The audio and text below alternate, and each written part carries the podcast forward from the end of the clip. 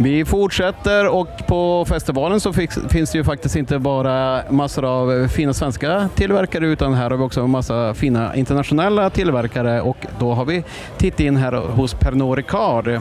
Och nu pratar jag med AJ. Hallå AJ! Tjena, tjena. Kan du berätta om Pernod Ricard och kanske kan du berätta lite extra om Monkey 47 och Malfi som vi testar här? Ja, men Pernod Ricard, eh, franskt företag, äger några av eh, världens största varumärken faktiskt.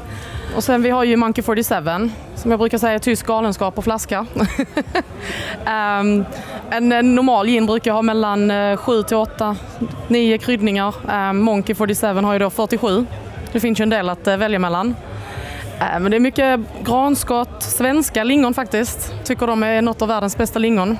Sen är det mycket grapefruit och såklart rosépepparn som sticker igenom väldigt mycket. Det görs nere i Schwarzwaldskogen på ett litet jättegulligt destilleri. Och eh, de har ju faktiskt, de gör det på kopparfat. Och de har fyra stycken och en av dem har de döpt till herr Nilsson. Så vi, vi har lite stolthet där att ha. Men om vi går till Malfin då så är det en italiensk stolthet på flaska. Det är alltid gjort lokalt från flaska till kork. Eh, och det är en familj som egentligen ville hylla den italienska citrusfrukten nere på Amalfikusten. Och det är där man får något av de finaste, skulle jag säga, de finaste citrusfrukterna.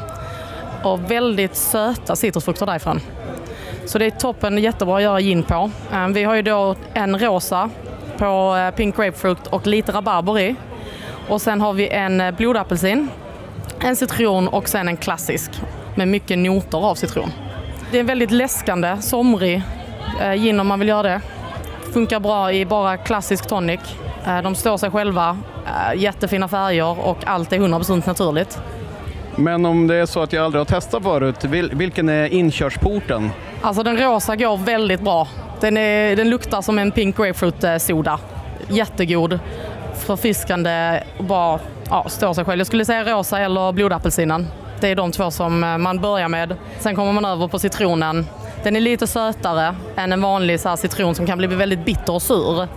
Så är citronen här väldigt åt det söta hållet. Och sen så den klassiska, om man vill ha en bra citrussmak eller citrustryck i sin klassiska gin.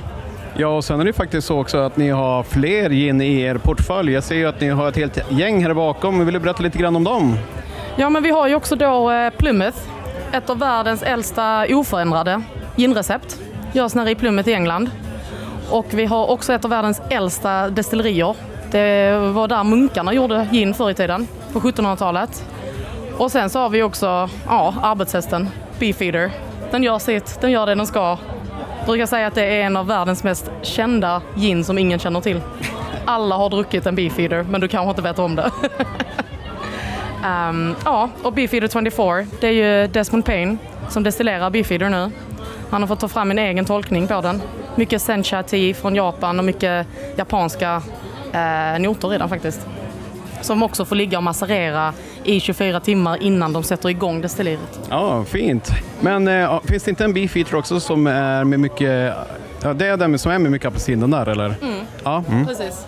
Ja, men vad kul gänget. Tack så jättemycket för att jag fick komma hit och säga hej till er. Hoppas att ni får det fortsatt bra på festivalen.